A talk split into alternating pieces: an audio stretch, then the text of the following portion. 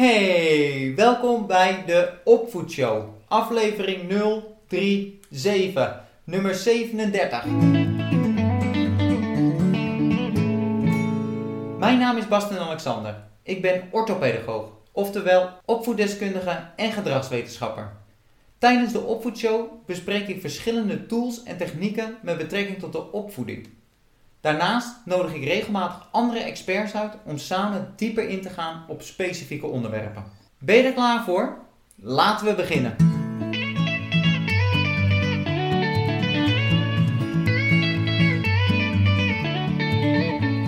Deze week is een belangrijk onderwerp voor werkende ouders. Zoals al vaker naar voren komt, er wordt nogal wat gevraagd van werkende ouders. En als je even niet oplet, kan een burn-out zomaar op de loer liggen. Want ondanks dat er een taboe op rust, is dit natuurlijk wel een echt en relevant thema. Ik heb Esther van Dinten uitgenodigd om hier samen dieper op in te gaan. En als je tijdens het interview nou aan iemand denkt die deze informatie goed kan gebruiken, je weet het. Sharing is caring.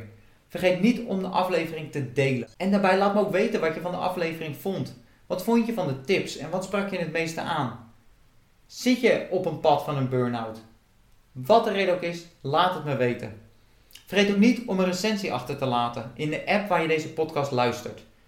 Recensies helpen mij enorm. Samen met Esther ga ik deze aflevering dieper in wat een burn-out precies is en aan welke symptomen je kunt zien dat je op weg bent naar een burn-out om op tijd aan de bel te kunnen trekken. En daarnaast is Esther ervaringsdeskundige als het gaat om het opvoeden van een kind met een beperking en hoe dit voor een burn-out kan zorgen maar ook welke emoties hierbij gepaard gaan en hoe je hiermee om kunt gaan. Zoals elke week weer een aflevering vol met praktische en gouden tips. Ik ga je niet langer ophouden. Laten we snel beginnen met het interview. Hey Esther, nou als allereerste welkom bij de Opvoedshow. Echt te gek dat je er bent. We gaan het vandaag hebben over een belangrijk onderwerp en zeker ook voor werkende ouders, namelijk het voorkomen van een burn-out. Maar voordat we daadwerkelijk beginnen, misschien kun je beginnen met te vertellen wie je bent en wat je precies doet. Ja, dankjewel, Basten. Um, nou ja, ik ben dus uh, Esther van Dinteren en uh, als coach begeleid ik uh, mensen met stress- en burn-out klachten. En dat kan werkgerelateerd zijn. Maar ik ben eigenlijk vooral gespecialiseerd in behandeling van stress- en burn-out klachten naar aanleiding van privéproblemen. Uh, nou ja, bijvoorbeeld omdat je ouder bent van een kind met een beperking, of omdat je uh, mantelzorger bent voor een dierbare, of omdat je misschien zelf een chronische ziekte hebt. Um, ik ben zelf moeder van een zoon met uh, autisme en ADHD. Ja, dus ik weet uit eigen ervaring hoe stressvol dat kan zijn. Ja, weet je, en in dit soort situaties heb je vaak ja, te maken met een soort permanente druk. Uh, en dan kun je je behoorlijk overbelast voelen. En daarnaast is er ook nog heel vaak sprake van um, nou, gevoelens van rouw en verlies. Ja. ja, kan ik me heel goed voorstellen inderdaad. En nou ja, mooi hoe dat eigenlijk je eigen ervaring, hoe je dat in kunt zetten voor je coaching. En daardoor e-, ook weer extra goed kan inleven in de, in de situatie van een ander. Er is natuurlijk heel veel nieuws over burn-out. En het is echt zo'n, ja, het kan echt zo'n hot topic zijn, zeg maar. Van dat iedereen in één keer met mhm. een, met een burn-out loopt. Maar gewoon eventjes dat we allemaal op dezelfde pagina zitten. Van, kun je vertellen, wat is een burn-out nou precies? Ja, als ik dat goed wil uitleggen, moet ik eigenlijk beginnen met wat stress is. Nou ja, en stress kun je eigenlijk zien als het energiesysteem van je lichaam. Uh, en dat kun je een beetje vergelijken met de energie die je uit een batterij haalt. En het, het zorgt ervoor dat je doet wat je te doen hebt op zo'n dag. Hè? En dan gaat het niet alleen maar om vechten en vluchten, hè? want dat weten we wel dat dat stress met zich meebrengt. Maar je stresssysteem staat eigenlijk de hele dag aan. Vanaf het moment dat je opstaat, je tanden gaat poetsen, je ontbijt klaarmaakt. Uh, als je oplet in het verkeer, die deadline haalt, uh, uh, ruzie hebt met je partner. dat, dat zijn, altijd staat dat stresssysteem aan. De stress is op zich prima, daar is ook niks mis mee. Maar om gezond te blijven moet je de energie die je gebruikt ook weer aanvullen. En dat kun je eigenlijk vergelijken met de batterij van een, uh, van een telefoon. Hè? Als je je telefoon gebruikt, dan moet je hem daarna weer aan de oplader uh, stoppen. Um, nou, en dat opladen doe je eigenlijk het beste als je slaapt, maar ook even rusten of gewoon ontspannen helpt om, om te herstellen. En dan ben je weer klaar voor nieuwe activiteiten. Nou ja, maar wat gebeurt er nou als er na die inspanning onvoldoende herstel plaatsvindt. Hè, als je die batterij tussendoor niet oplaadt. Nou ja, dat laat zich raden. Ehm, je wordt steeds vermoeider en die batterij loopt steeds verder leeg. Om dan toch die inspanning te kunnen leveren, schakelt je lichaam eigenlijk over in een soort uh, noodaggregaat. En die gaat extra stresshormonen aanmaken. En door die stresshormonen kun jij toch je prestatie blijven leveren. Dus je lichaam helpt je, tussen aanhalingstekens, aan steeds meer energie. En op den duur raakt je lichaam eigenlijk zo gewend aan die chronische overdrive, um, dat je steeds slechter tot rust kunt komen. En ik weet niet of je dat herkent, maar ik, merk bijvoorbeeld altijd bij mezelf, als ik te druk ben, dan, uh, dan ben ik eigenlijk doodmoe, maar dan word ik toch s ochtends om vijf uur wakker en dan ben ik klaar wakker. Nou ja, dat is dus echt een symptoom van dat je lichaam eigenlijk niet meer goed tot rust kan komen. Andere mensen die hebben bijvoorbeeld heel veel moeite met inslapen. Dan liggen ze eindelijk doodmoe in bed, maar dan kunnen ze niet meer slapen. Dus ja, dat is dus wat chronische stress met je doet. Het, zorgt ervoor dat het steeds moeilijker wordt om je weer op te laden. En op een gegeven moment komt die batterij eigenlijk helemaal niet meer in het groen, alsof er een soort kink in het kabeltje zit. Dus zelfs als je het een paar dagen rustiger aandoet, uh, dan helpt dat niet voldoende om op te laden. Nou, en dan komen we bij overspannen en uiteindelijk burn-out uh, terecht. Hè. Als je nou zoveel klachten hebt dat je zowel thuis of op het werk niet meer goed functioneert, dan ben je overspannen. Uh, en dan heb je echt wel een paar maanden veel rust nodig uh, voordat je je taken weer helemaal op kunt pakken. Maar als je in die overdrive blijft staan, ja, dan, dan kun je op een gegeven moment ook echt niet meer. Hè? Dat, wat je hoort van mensen is dat ze dan, nou ja, dat zelfs de afwasmachine uitruimen al te veel is. Hè? Dat ze amper die bank af kunnen komen. Dan ben je echt opgebrand, echt burn-outs. Ja, en moet je dan eigenlijk gewoon zien dat je lichaam dan in eerste instantie een soort van overlevingsreactie geeft door gewoon constant inderdaad die stresshormonen aan te geven. En op het moment van een burn-out, dat je lichaam dan eigenlijk opgeeft daarin en zegt van ja, ik heb nu alles gedaan, ik heb de ja. noodplannen uitgevoerd en zelfs dat werkt niet van en dat dan eigenlijk het systeem gewoon dichtklapt. Ja, ja dan, dan ben je echt letterlijk op. Ja, ja. dan heb je geen uh, energie meer. Ja, nee, duidelijk verhaal inderdaad. En ook mooi met die metafoor van de batterij. Van dat inderdaad naar het groen, uh, oranje, geel. Wat kun je dieper erop ingaan van wat zijn dan symptomen van een, van een burn-out? Of in ieder geval dat je merkt van hé, hey, ik ben op weg naar een burn-out. Want deze symptomen merk ik. Je gaf het al een beetje aan van dat je moe in bed ligt, maar dat je moeilijk in slaap komt. Zijn er nog andere symptomen waarin je dat kan herkennen?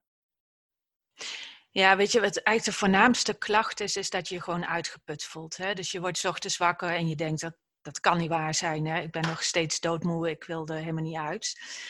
Um, maar omdat je dus continu aanstaat, heeft dat hele lijf het zwaar te verduren. Hè? En dat kan zich echt in allerlei klachten en kwalen kan zich dat uiten. Soms ook dingen waarvan je helemaal niet vermoedt dat het iets met stress te maken heeft. Nou, bijvoorbeeld dat je vaker ziek bent omdat je immuunsysteem niet meer goed werkt. Um, veel mensen geven aan dat ze zich niet meer goed kunnen concentreren, dat ze uh, heel erg vergeetachtig worden bijvoorbeeld. Um, prikkelbaar is iets wat je heel vaak hoort. Slecht slapen. Maar ook hoofdpijn, uh, stijfspieren, last in je onderrug of juist in je schouders. Het is echt een heel scala aan klachten. Maar wat er zo uh, lastig aan is, is die klachten kunnen ook een andere oorzaak hebben. Er kan soms ook een lichamelijke oorzaak aan uh, zitten of achter liggen.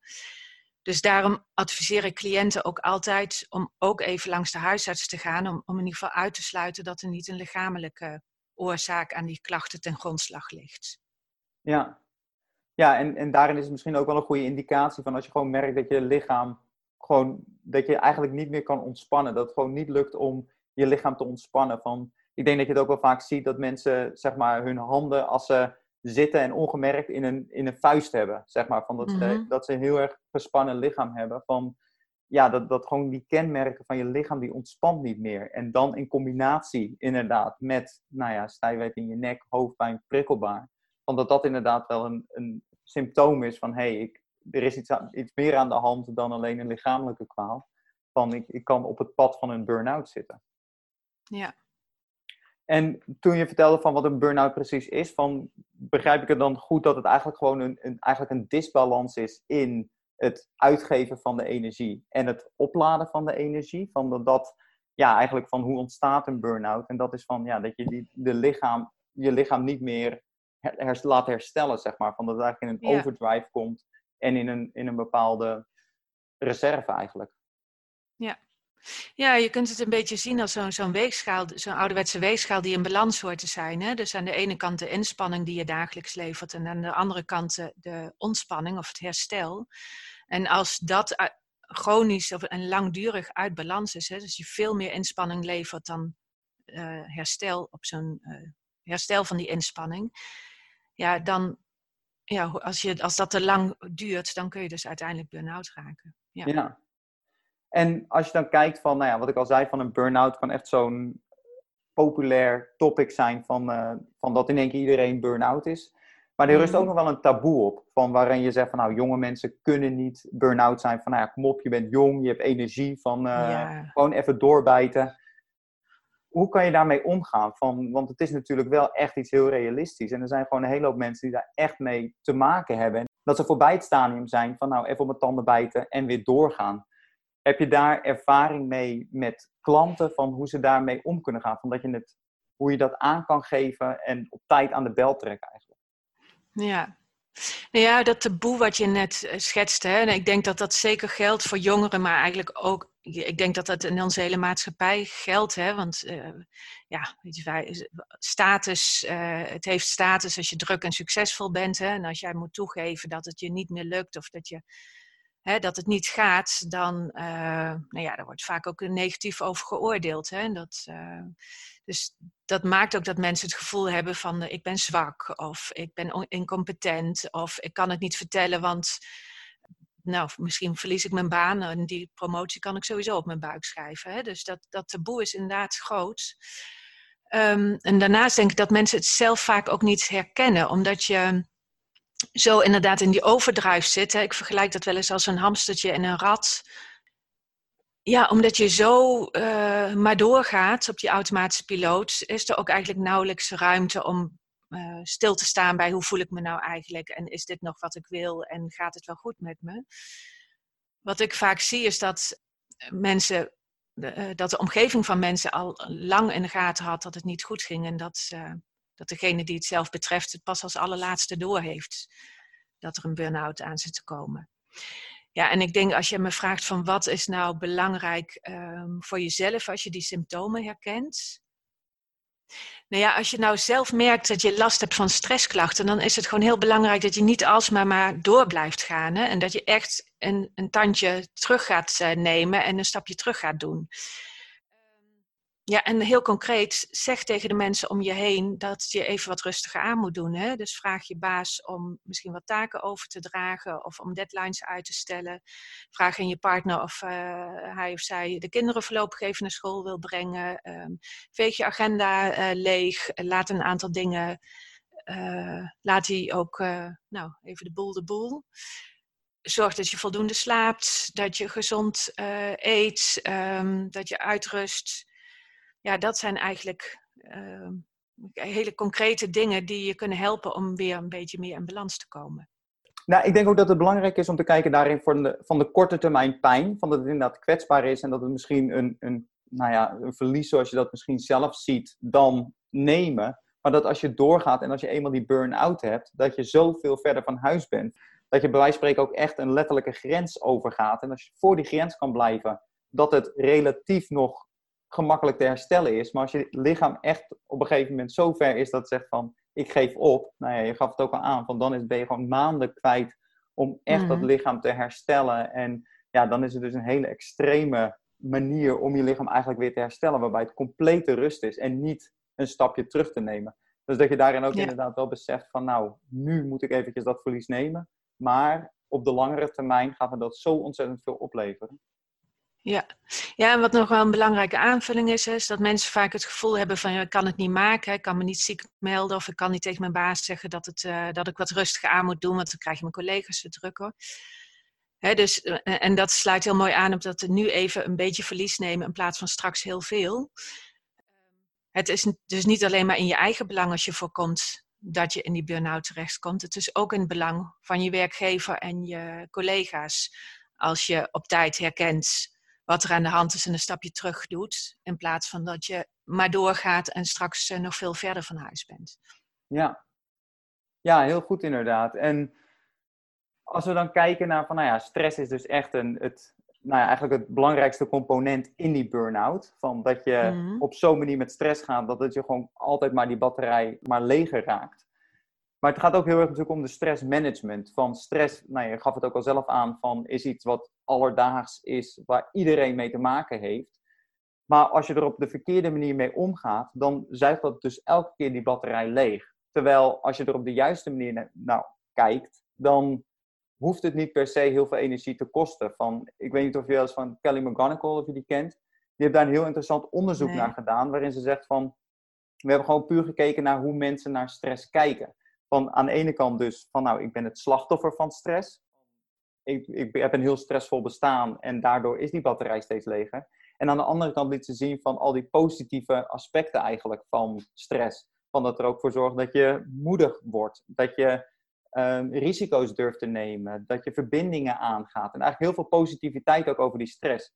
En daarna hebben ze dat onderzoek gedaan van te kijken van, nou, wat heeft dezelfde stressoren, maar wat, wat voor invloed heeft dat er nou op? En dat je ook ziet van dat de mensen die dus als iets negatiefs zien van, nou, stress moet ten alle tijden vermeden worden, dat die heel erg dat burn-out pad eigenlijk opgingen. Terwijl mensen zoiets hebben van, ja, stress hoort erbij, stress moet ik juist gebruiken, dat die daar juist energie van kregen. Heb je daar nog eh ideeën over? Ja. Nou ja, ik, denk dat klo- klopt. Hè? Kijk, er is niks mis met stress of met hard werken of met stevig sporten. Nou, ja, sterker nog, dat is zelfs eh, gezond voor je. Daar zijn we eigenlijk ook voor gemaakt. Hè? Om, om gewoon af en toe flink te pieken. Dat, dat, is, ja, dat is helemaal prima en gezond. Eh, maar de crux zit hem er eigenlijk in dat je ook daarnaast ehm, goed moet herstellen.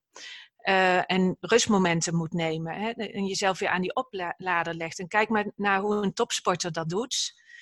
Die rent niet twee marathons eh, in één maand. Hè? Die, die rent een marathon en daarna eh, rust hij. En dan gaat hij weer trainen voor de volgende. En dan rent hij er weer eentje. Hè? Maar dat, die, die, die rust, daar zit met name de, de crux, denk ik. Dat Ja. wij in onze maatschappij, die zo gejaagd is en waarin je vaak nou, continu aanstaat, alles maar door blijft gaan en onvoldoende rust neemt. Dus met stress aan zich is niks mis mee. Sterker Nee. nog, dat, eh, nou, dat kan ook heel eh, eh, lekker zijn. Hè? Dat je krijg je adrenaline van en een kick en het is gelukt. En eh, Ja, ook, zeker. heel fijn. En dat is Ja. ook die, die uitspraak van work hard, play hard, waarbij je het nu ook steeds vaker hoort van work hard, play hard, rest hard. Dat dat er ook inderdaad echt bij hoort om weer te Ja. herstellen. Ja. En als je dan kijkt van, we hebben erover gehad van dat je lichaam eigenlijk gewoon heel moeilijk ontspant. Van dat je dat die alleen maar die extra stresshormonen aanmaakt. eh, Ook al ben je doodmoe, maar dat je alsnog wakker in bed ligt. Heb je concrete tools die je daarvoor kan gebruiken als je merkt van nou, mijn, mijn lichaam blijft maar, ik blijf maar mijn handen als, als vuisten hebben, zeg maar, van dat die spanning in de Mhm. lijn. Van een tool of een techniek waarvan je zegt van nou, dit is een goede manier om eigenlijk je lichaam te verplichten om te ontspannen. Ja. Ja, kijk, wat, we, we weten eigenlijk dat je lichaam het meest uitrust s'nachts tijdens je slapen. Hè? Eh, maar het gekke is eigenlijk, om s'nachts goed te kunnen slapen, moet je overdag voldoende herstelruimte nemen of herstelpauzes nemen. Eh, want anders is je lichaam gewoon veel te opgefokt om tot rust te kunnen komen. Nou ja, en die herstelpauzes, ja, dat is dus niet even gaan zitten en je telefoon, eh, Facebook checken en Instagram en, en het nieuws. of even je achterstallige werk inhalen of snel even een boodschappenlijstje maken. Nee, dat is echt rust, niksen, lummelen, eh, niets doen, nutteloos. eh, nou, misschien een beetje voor je uitstaren met een kopje koffie of even een eh, rondje lopen of even, eh, nou, gewoon even nutteloos niks doen. Maar ja, dat is wel heel onwennig, maar daar wil ik echt een, een groot pleidooi voor houden. En wat, ehm, dan kom je eigenlijk ook weer bij die topsporters. Hè? Eh, er is bijvoorbeeld ook onderzoek gedaan naar van wat is nou eigenlijk de beste balans tussen inspanning en herstel. Hè? Eh, dat is de 52-17 regel. Hè? Dus dat je na 52 minuten inspanning eigenlijk 17 minuten rust zou moeten nemen. En je gedachten gewoon de vrije loop moeten laten. En eh, nou, daar, daarvan herstel je. Ja. ja, dat is wel een goede inderdaad. Van dat dat met, met topsport is als je je lichaam eigenlijk onder stress zet met, het, met rennen of, of met sporten. En dat je daarna 17 minuten rust. Maar dat kan natuurlijk ook met mentale topsport zijn. Van dat je zegt van nou, ik ben 52 minuten aan het, uh, aan het werk geweest. Of mentale stressheid gehad. Van, en dat je dan 17 minuten ja, lummelt, rondhangt en, uh, en daarin ontspant. Het mooie is ook nog, hè, je denkt dan misschien dat je nutteloos bezig bent hè, in die 17 minuten. Maar juist door dat niks doen, je gedachten gewoon die vrije loop te laten, daar ontstaan juist de meest uh, weer creatieve ideeën en energie om, om, om weer nieuwe dingen op te pakken. Dus eigenlijk is het heel effectief om dat op die manier te doen. Ja, ja, zeker. En ik kan me zo voorstellen dat het voor heel veel mensen moeilijk is. En dat het misschien juist een bepaalde stressheid ook geeft. Van dat ze denken van, oh, ik moet nog zoveel doen. En nou zit ik hier maar een beetje, een beetje rond te hangen. Dus het lijkt me dat het goed is om dat in te plannen. Dat je dat niet, zeg maar, dan automatisch uh, van, nou, ik kijk het wel en ik, ik doe het along the way. Maar dat je echt zegt van, nou, vandaag rond die tijd, rond die tijd, rond die tijd ga ik 20 minuten, een half uur. Um, en dat je dan ook echt zegt van, nou, ik ga dit doen wat niks doen is. Dus bijvoorbeeld een rondje lopen of een podcast luisteren of iets anders. Van hoe kun je dat nou, je lichaam eigenlijk daarin tot rust laten komen. En niet dat je dat opgefokte gevoel juist extra krijgt van ik ben mijn tijd aan het verdoen. Nou ja, weet je, als je overbelast bent, hè, dan is het echt niet zo lastig dan ergens rustig gaan zitten en uh, je gedachten de vrije loop te laten. Want je denkt alleen maar, ik heb hier geen tijd voor, ik moet dit nog doen, ik moet dat nog doen. Um, nou, wat een goede tip is om dan te gaan doen, is om te gaan wandelen. En dan bedoel ik uh, echt rustig wandelen in je eigen tempo. Het liefst uh, door de natuur, hè, want het blijkt dat mensen die uh, nou, door de natuur wandelen beter ontspannen dan die door een stedelijke omgeving uh, wandelen. En het, accent ligt dan dus niet op de sportieve prestatie die je levert, maar bij de kwaliteit van wat je ervaart. Hè? Um, nou ja, en mijn pleidooi is eigenlijk: doe dat iedere dag minimaal 20 minuten. In een rustige omgeving, hè, dus het liefst in de natuur of in, in een park. Uh, met aandacht voor wat je ziet en hoort en ruikt. En, uh, nou, met, en bewust genieten van wat je mooi vindt om je heen. Uh, en in je eigen ritme en tempo. Want het heeft echt een hele gunstige uitwerking op herstel van stressklachten. Het leidt bijvoorbeeld tot bloeddrukverlaging en het vermindert je spierspanning. Dus dat is echt een hele effectieve manier om te ontspannen. En een andere goede oefening is om een ademhalingsoefening te doen en, en, een rustig adem te halen. En de crux zit hem er dan eigenlijk in, is dat je uitademing langer duurt dan je inademing. Want dat maakt dat je brein eigenlijk het seintje krijgt. Uh, alles is veilig en dat kalmeert je zenuwen. Ja, ja hele goeie. En, en het is ook echt dat, dat mindfulness van uh, in het hier en het nu zijn. Dus door heel erg bewust te zijn van wat ruik ik, wat zie ik, um, wat, wat voel ik, wat voel ik in mijn lijf.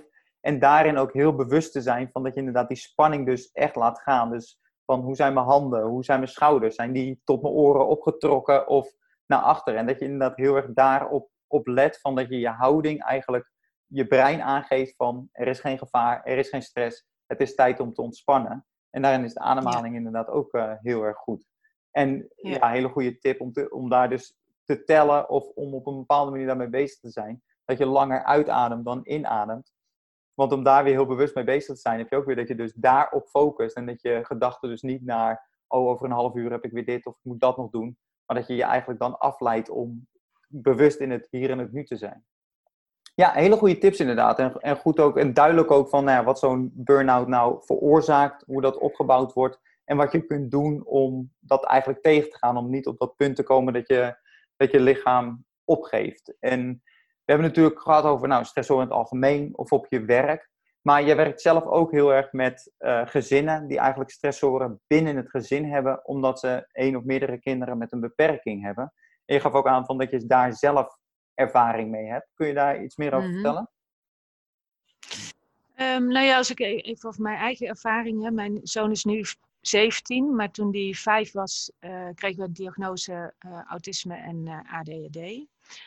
Um, nou ja, we, wisten natuurlijk al lang dat er iets met hem aan de hand was, hè, want het was lastig in de opvoeding. Um, Hij had uh, behoorlijk last van ja, meltdowns, weet ik nu. Maar dat vond ik toen agressie en, en driftbuien.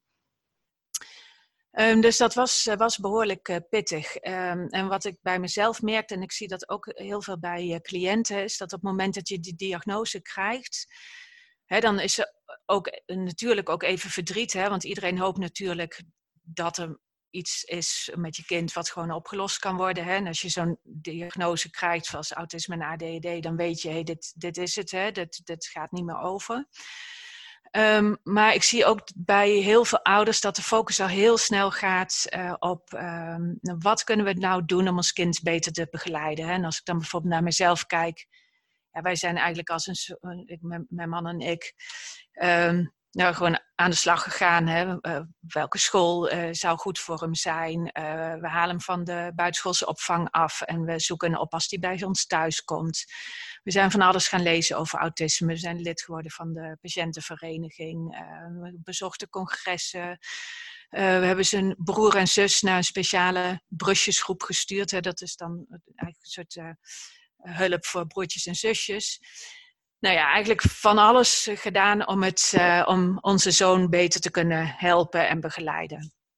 Nou, en, en nou, met effect. We hebben daar ook hele goede hulp uh, in gehad. Maar dan merk je zo na een aantal jaren dat er heel veel op de rit staat en heel veel beter gaat. Maar dat, ja, het is er nog steeds. Hè. Um, en pas dan, in ieder geval bij mij, maar ik zie dat ook veel bij je cliënten, pas dan ontstaat er vaak ruimte voor jouw eigen verdriet en stress Um, en dan, dan kom je er vaak achter hè, van in al die zorg en aandacht voor mijn kind ben ik zelf eigenlijk onderuit gegaan. Um, nou, ik ben zelf een, een, jaar of drie, vier later, denk ik, nadat mijn zoon een diagnose kreeg, uh, ben ik overspannen geworden.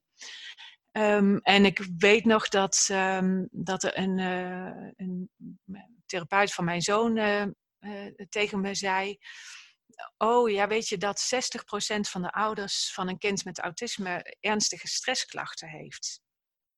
En ik kan me herinneren dat ik dat een. Ja, dat, dat, dat voelde als een enorme erkenning ook van dat het dus ook echt zwaar is. Hè? Uh, dat taboe wat we net uh, bespraken, hè, van dat je denkt dat je zwak bent, of labiel, of niet incompetent. En als je dan ook kijkt van wat er eigenlijk in zo'n gezin allemaal gebeurt, hè, dus in gewone normale gezinnen waar een kind is met een beperking, ja, dan is dat ook nogal wat waar ouders mee te dealen hebben. Hè. En ik bleek dus niet de enige die overspannen uh, uh, was. Hè, want uit onderzoek blijkt dat 60% van de ouders van een kind met autisme uh, en ADHD, of eigenlijk überhaupt ouders met een zorgintensieve kind, dat 60% van die ouders last heeft van ernstige stressklachten.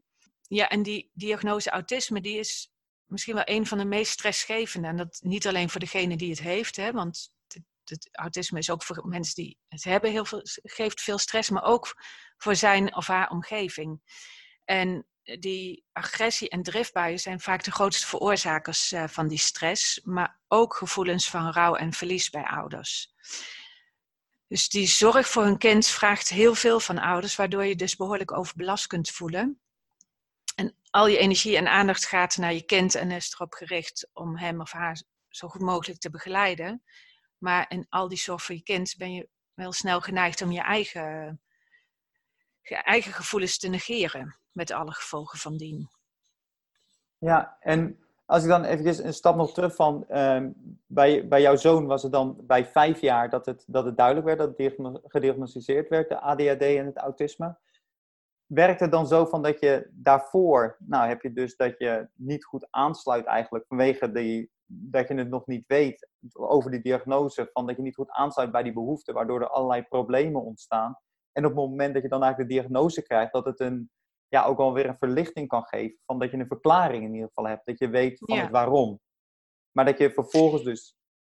Nou, vertel maar. Ja, nou dat is het ook. Hè. Dat, dat, die eerste reactie toen ik die diagnose kreeg, was ook een deels opluchting. Jeetje, eindelijk weet ik wat er met hem aan de hand is. Eindelijk weet ik ook dat zijn gedrag onwil is, of uh, geen onwil is, maar onmacht. Hè? Dus het onschuldigt je kind eigenlijk ook. Eindelijk weet ik wat ik kan doen om hem beter te helpen en te begeleiden. Hè? Dus het, dat gaf ook voor een heel stuk opluchting. Dat klopt. Ja. ja. En is het dan dat je, moet ik het dan zo zien, van dat je in een soort van overlevingsstand gaat van dat je, nou ja, het bij spreken goed wil maken van de jaren daarvoor, dat je nu in één keer de tools hebt om hem wel te kunnen helpen. En dat dat dan eigenlijk weer bijdraagt aan het, aan het overspannen raken van, of hoe, hoe kun je dat beschrijven van dat je eigenlijk van die verlichting en die opluchting naar een aantal jaar later naar overspannenheid gaat? Ja, ik heb in ieder geval bij mij niet zozeer het gevoel dat dat een soort compensatie was voor de jaren daarvoor. Ik denk dat, dat ik onbewust, ook al weet je natuurlijk in je hoofd heel goed dat, uh, dat autisme niet overgaat. Maar ik denk dat je onbewust, en zo zit onze menselijke geest natuurlijk ook in elkaar. Hè, we hebben een probleem, huppakee, daar moet een oplossing voor komen. Um, en ik kan me nog herinneren dat een collega destijds tegen mij zei: Goh, dat lijkt me best heftig, hè, zo'n uh, diagnose voor je zoon. Hoe, uh, hoe gaat het zo met je? En dat ik zei: Ik was in die tijd projectmanager. En dat ik zei: Nou, ik zie dat. Uh, kan het eigenlijk wel een beetje vergelijken met zo'n projectmanager. Hè? Dus we, we, zijn nu van alles aan het organiseren en het regelen om hem inderdaad beter te begeleiden en, nou, en te kijken wat er beter kan een oplossing aan het zoeken. En ik denk dat het moment waarop je denkt: hé, hey, we hebben nou eigenlijk aan alle knoppen waar we aan konden draaien gedraaid. En wat, wat het nu is, is een beetje: dit is het. En dat is dus nog steeds een kind dat geen aansluiting heeft met vriendjes. Um, waar nooit iemand voor aan de deur komt om te vragen of hij mee wil spelen. Een kind wat regelmatig overstuurd thuis komt uit school. Um, een kind wat soms helemaal niet naar school wil een kind die misschien soms zegt: Ik zie het leven niet meer zitten, ik wil dood. Uh, die soms zo boos is dat hij ze de stoelen door de kamer smijt. Want hoe goed je het ook doet, en hoe goed je het ook uh, begeleidt als ouder, die problemen blijven voor een deel bestaan en die komen ook steeds weer terug. Ja, heftig om te horen. Ja. En je geeft dan ook aan van, nou ja, als je op een gegeven moment aan alle knoppen hebt gedraaid waar je aan kan draaien en je hebt het gevoel van, nou, dit, dit zijn de tools, dit is het behandelplan en het, loopt allemaal, dat dan eigenlijk het moment komt dat je ruimte krijgt voor je eigen emotie en je eigen acceptatie en het rouw en het verlies. Ja, ja dat denk ik, ja. Een, een cliënt van me zei laatst, iedere keer als ik denk nu is het opgelost, dit heb ik nu georganiseerd en geregeld, dan komt er weer iets nieuws. Het houdt nooit op. En ik denk dat dat moment, hè, dat je je realiseert van hé, hey, het houdt nooit op met mijn kind. Straks gaan andere kinderen studeren op kamers, het huis uit, trouwen, kinderen. Dat, al die ontwikkelingsstappen die je andere kinderen ziet maken, waarvan je bij je eigen kind dat nog zo snel niet zo ziet doen, komt weer even zo'n moment dat je geconfronteerd wordt met die beperking. En dat doet iedere keer weer verdriet. Ja. Ja, en kun je vertellen van hoe dat dan uiteindelijk bij jou naar die overspannenheid was gegaan? Van, van inderdaad dat verdriet en die confrontatie eigenlijk met de, met de werkelijkheid dan? Wat, is, is dat dan de reden dat je daarin die overspannenheid, of is het gewoon dat je te veel op je kind focust en te weinig voor jezelf zorgt? Hoe moet ik dat zien?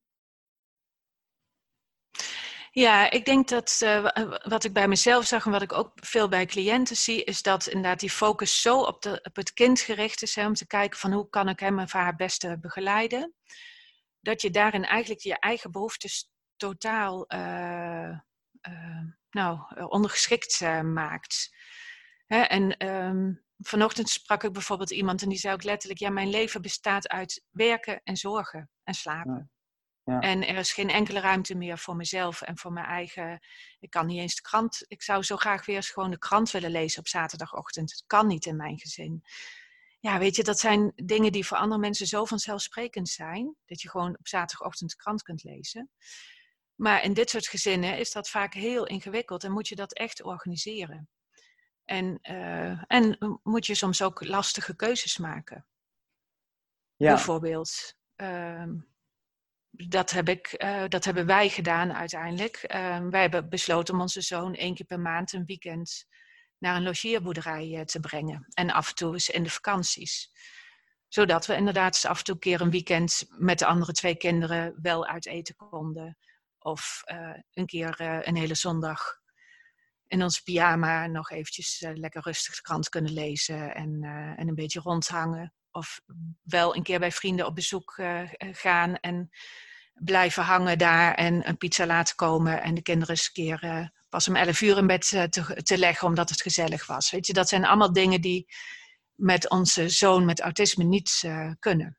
Ja, kun je uitleggen voor mensen die het niet weten wat een logeerboerderij precies is? Um, ja, dat is een, uh, een voorziening, dat noemen ze respijtzorg. Dat is eigenlijk een voorziening om uh, ouders uh, tijdelijk te ontlasten. En dat heb je in verschillende vormen. Je hebt een soort dagopvang of een buitenschoolse opvang. Um, je hebt plekken waar kinderen af en toe een weekend naartoe kunnen. Plekken waar kinderen ieder weekend naartoe kunnen. Of tijdens de vakanties. En dat zijn plekken waar dus gespecialiseerde zorg is en waar je kind met een gerust hart naartoe kunt brengen. Uh, hè, waar, die, waar ze weten hoe ze met dat soort problematiek om uh, moeten gaan. Ja, ja ik, uh, ik kan uit ervaring spreken. Ik heb ook gewerkt bij een, bij een logeerhuis inderdaad. En nou ja, kinderen met eigenlijk een heel spectrum aan, aan diagnoses en, en stoornissen die dan inderdaad het, het weekend daar kwamen. Om het gezin en ouders die tijd te ontlasten.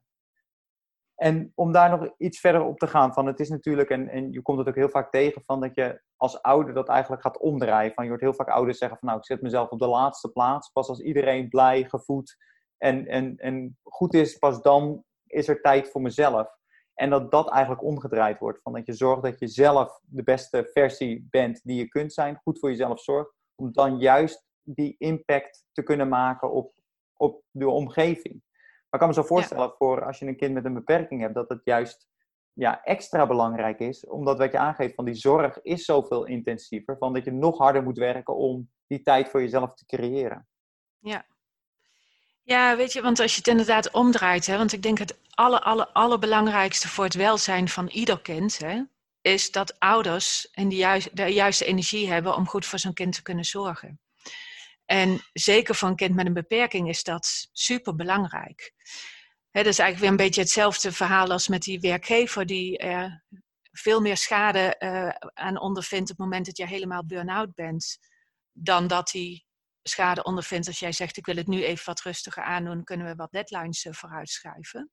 Zo is dat eigenlijk ook met je kind. Hè? Op het moment dat jij het zo ver laat komen dat je echt burn-out bent en je niet meer voor je kind kunt zorgen, dan ben je veel verder van huis.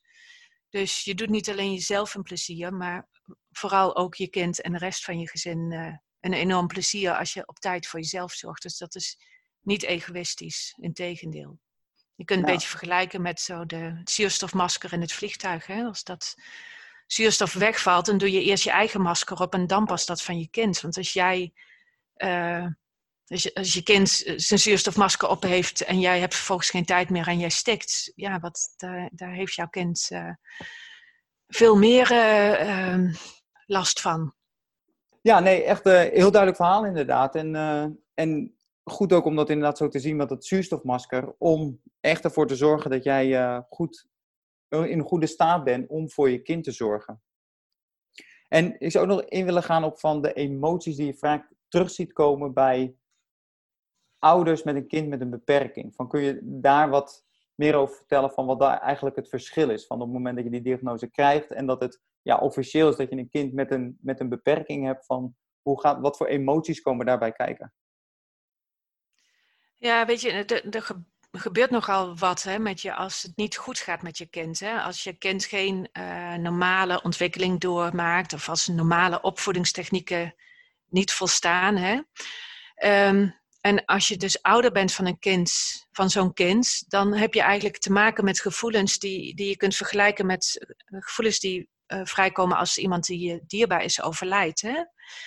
Um, en met alle emoties die daarbij horen. Dus verdriet, wanhoop, uh, maar ook woede, schaamte, jaloezie, schuldgevoel.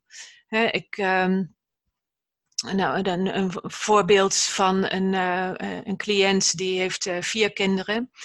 waarvan één kind met autisme, die zijn al jaren niet meer met het hele gezin op vakantie geweest. Dat kan niet. Hè, dus zij blijft thuis met haar zoon met autisme en haar man gaat met de drie anderen op vakantie.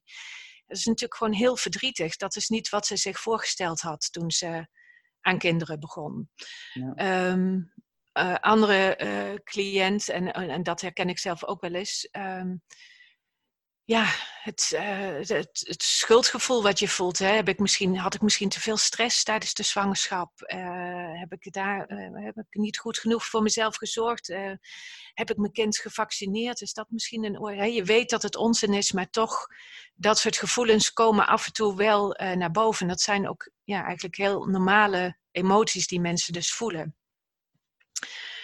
Maar het lastige is, is dat, dat jij zelf, maar ook de mensen om je heen, dat vaak helemaal niet zien als rouw. Hè? Dus je, ja, mensen verwachten, en dat verwacht je misschien zelf ook wel, dat je het gewoon verwerkt. Dat het op een gegeven moment gewoon, uh, ja, dat je je aanpast aan de situatie. Nou, soms zeggen mensen ook letterlijk hè, dat je er je nu wel eens overheen uh, mag zeggen. Dus mensen en jijzelf hebt vaak niet in de gaten dat je gewoon een rouwproces doormaakt. Uh, en daardoor schat je je verdriet niet goed in en, um, en erken je het ook niet. Um, en wat ik vaak vraag uh, aan mensen is van, um, denk eens terug aan die tijd dat je in verwachting was van je kind. Hè? Waar droomde je stiekem van? Hè? Hoe stelde je het leven met je kind voor? Welke toekomstplannen had je misschien wel uh, voor hem in gedachten?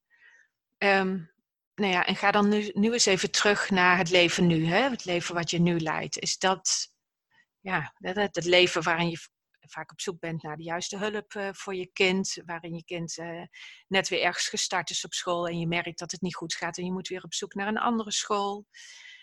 Ja, en voor de meeste mensen zag die droom er toch anders uit. Hè? Ook al houden ze zielsveel van hun kind, het is niet wat ze, waar ze stiekem van gedroomd hadden.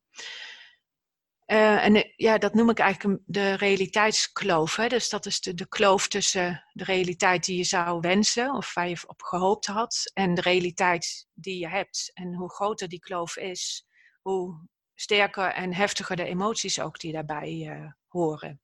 Ja. Ja, nee, duidelijk. En wat ik er ook uithaal is van voornamelijk om ruimte te laten voor die emoties. En daarin open te zijn. En daar ook mooi wat je zegt, van dat je het als een soort van rouw ziet. Van die emoties mogen er zijn. Ondanks, het heeft niks met het houden van je kind te maken. Maar het is een heel ander proces. Het is die realiteitskloof wat emoties met zich meebrengt. En die zijn heel erg logisch en natuurlijk. Maar wel heel belangrijk om die emoties te benoemen. En ook de ruimte te geven om dat te, te mogen verwerken.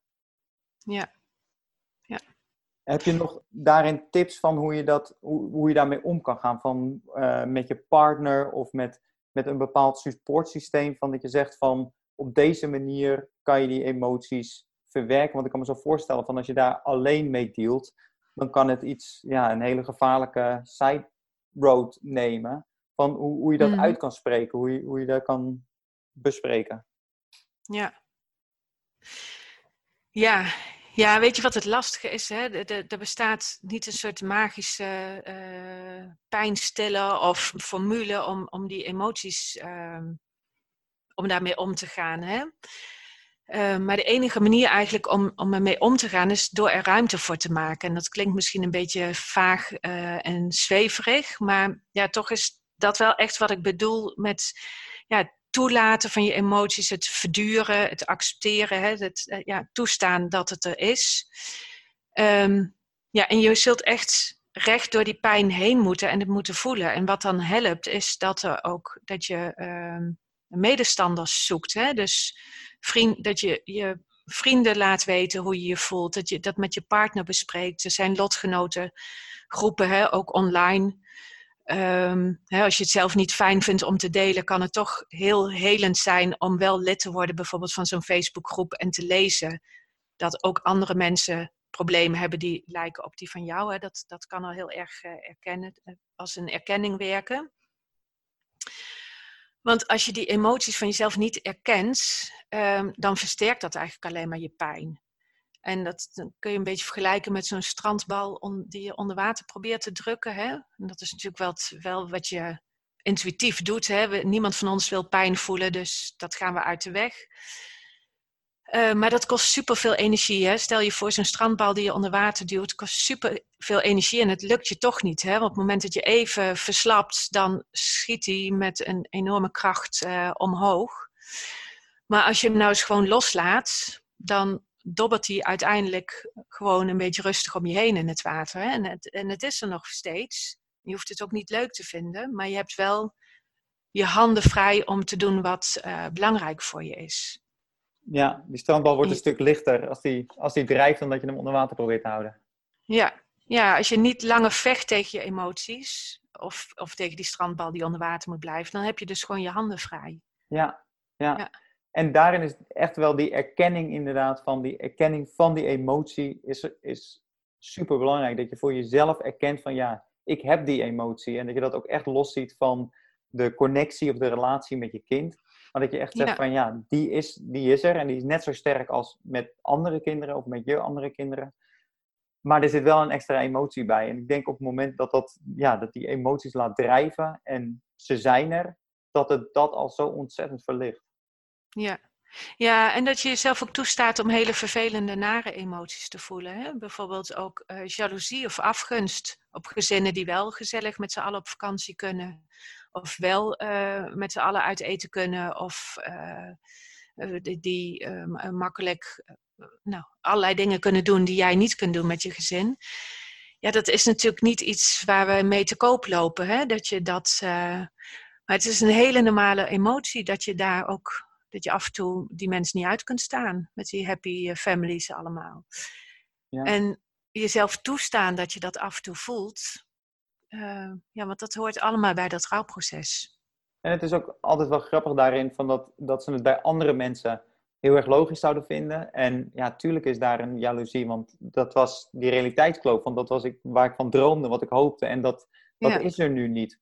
Maar bij zichzelf, dan zijn ze daar veel te streng voor eigenlijk. Van dat dat soort gedachten of dat soort emoties er niet mogen zijn. Want dat grappig is een andere standaard voor anderen houdt dan voor jezelf. Ja, ja. Wat tegelijkertijd ook altijd een goede tip is. Hè? Want die dingen die je tegen jezelf zegt, ehm, zou je die ook tegen je beste vriend of je beste vriendin zeggen? Ja, ja meestal is het antwoord nee. Ja, precies, ja. Ja.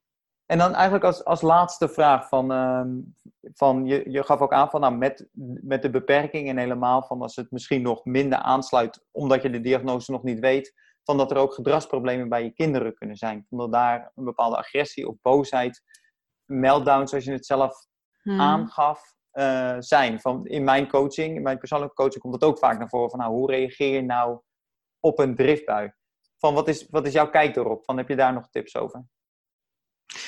Ja, kijk, instinctief werkt het vaak zo. Emoties zijn besmettelijk. Hè? Dus als er iemand tegenover je zit die heel verdrietig is, uh, dan voel jij, uh, dan voel jij je vaak ook somberder. Hè? Als iemand heel blij is, dan word jij vrolijk. Is iemand heel boos en driftig, dan voel je intuïtief ook uh, die dezelfde reactie terugkomen. Hè? Tegelijkertijd weet je bij je kind dat dat ja, averechts werkt en alleen maar meer olie op het vuur gooit. Hè? Dus het is belangrijk om rustig te blijven in zo'n situatie.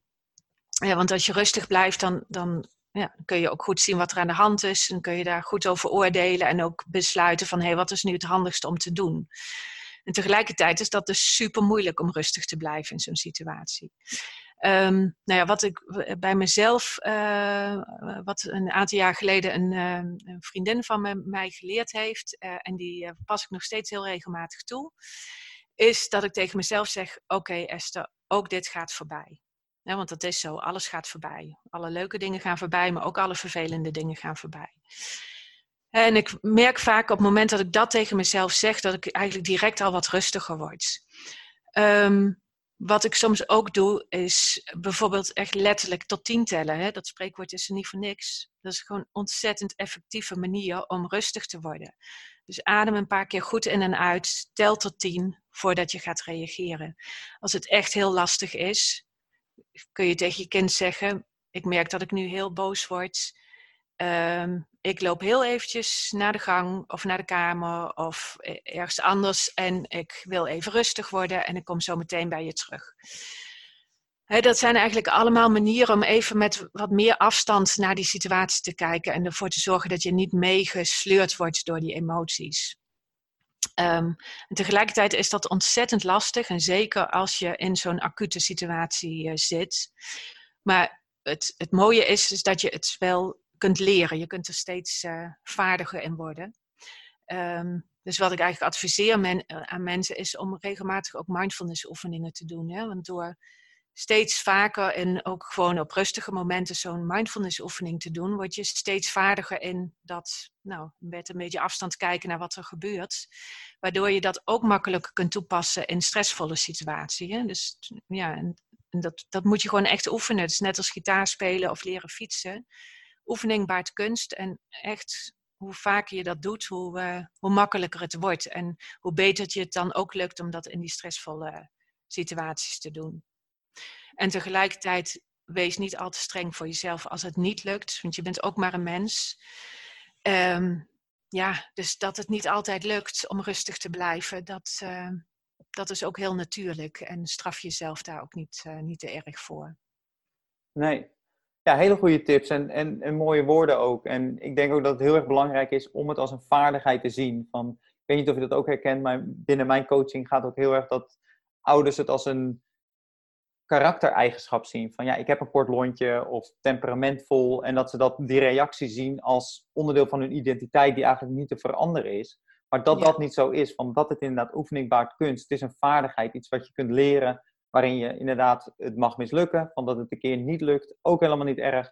Maar dat je dat gewoon gaat, gaat oefenen en ontwikkelen. Ja. Ja. ja. Nou, echt een... Uh, ja, heftig verhaal van uh, je persoonlijke ervaringen ook. En ja, ook wel weer een, een mooi verhaal van hoe je andere ouders ermee helpt en ja, je business er eigenlijk van hebt gemaakt. Als mensen nou meer informatie over jou zouden willen weten, van waar zouden ze meer informatie kunnen vinden? Um, nou, je zou eens kunnen kijken op mijn uh, site www.estervandinteren.nl. nou, daar vind je sowieso ook heel veel informatie. Uh, ik heb een aantal uh, blogs geschreven over uh, nou, een aantal van die thema's die ook eh, vandaag aan de orde zijn gekomen. Um, en ik heb ook een, twee, um, twee videotrainingen gemaakt die ouders gewoon zelfstandig zouden kunnen doorlopen. Dus dan, dan hoef je niet per se een coachtraject te doen. Dus dat kun je ook op eigen houtje doen. Eén, uh, nou, een kleine beknopte, die is ook gratis. En één die is uh, betaald. Maar um, nou, dat kan een hele, heel zinnig zijn om daar eens naar te kijken. Ja, ik zal de links daarvan ook weer in de, in de show notes zetten. En op de social media, ben je ook actief op social media? En welke het meest en waar kunnen mensen je daar vinden en volgen? Um, ik ben eigenlijk het meest actief op uh, Facebook en op LinkedIn. Uh, en uh, ook op Instagram. Maar ehm, niet okay. zo heel actief. en dan gewoon je, je eigen naam of heb je daar nog een... Ja, ik denk dat ik daar gewoon mijn eigen naam heb. Maar dan moet je, moet je eerlijk zeggen dat ik dat dus niet eens weet. Maar nee. als je op, op, googelt op mijn naam, dan kom je daar wel op uit. Ja, nou... Nou, ik wil je heel erg bedanken voor je, voor je tijd, voor je ja, interessante gesprek en je, en je goede tips. En ik wens je heel veel succes met, met alle projecten in de toekomst. Nou, dankjewel. En jij ook bedankt. Ik vond het leuk. Ja, dat was hem. Het interview met Esther van Dinteren. Wat is jou het meest bijgebleven van het interview? Wat was nou de, dat ene handvat wat je direct in gaat zetten? Je bent sterk maar samen zijn we onverslaanbaar. Schroom daarom niet om een bericht te sturen en te laten weten wat je van de aflevering vond. Op welke manier het je helpt en op welke manier we de show kunnen verbeteren. Heb je de show met iemand gedeeld? Al zou het maar met één iemand zijn, dat zou al een enorme impact hebben. En daarbij vergeet ook niet om een recensie achter te laten in je favoriete podcast app. Onthoud, wat is jouw doel voor de opvoeding? En hou deze helder voor ogen. Het helpt om de kleine struggles te relativeren, niet uit principe op te voeden en het geeft een duidelijk einddoel waar je naartoe aan het reizen bent. Dit was weer de aflevering voor deze week. Zet hem op, heb een powervolle week. Get hem, je kunt het. Tot volgende week. Ciao.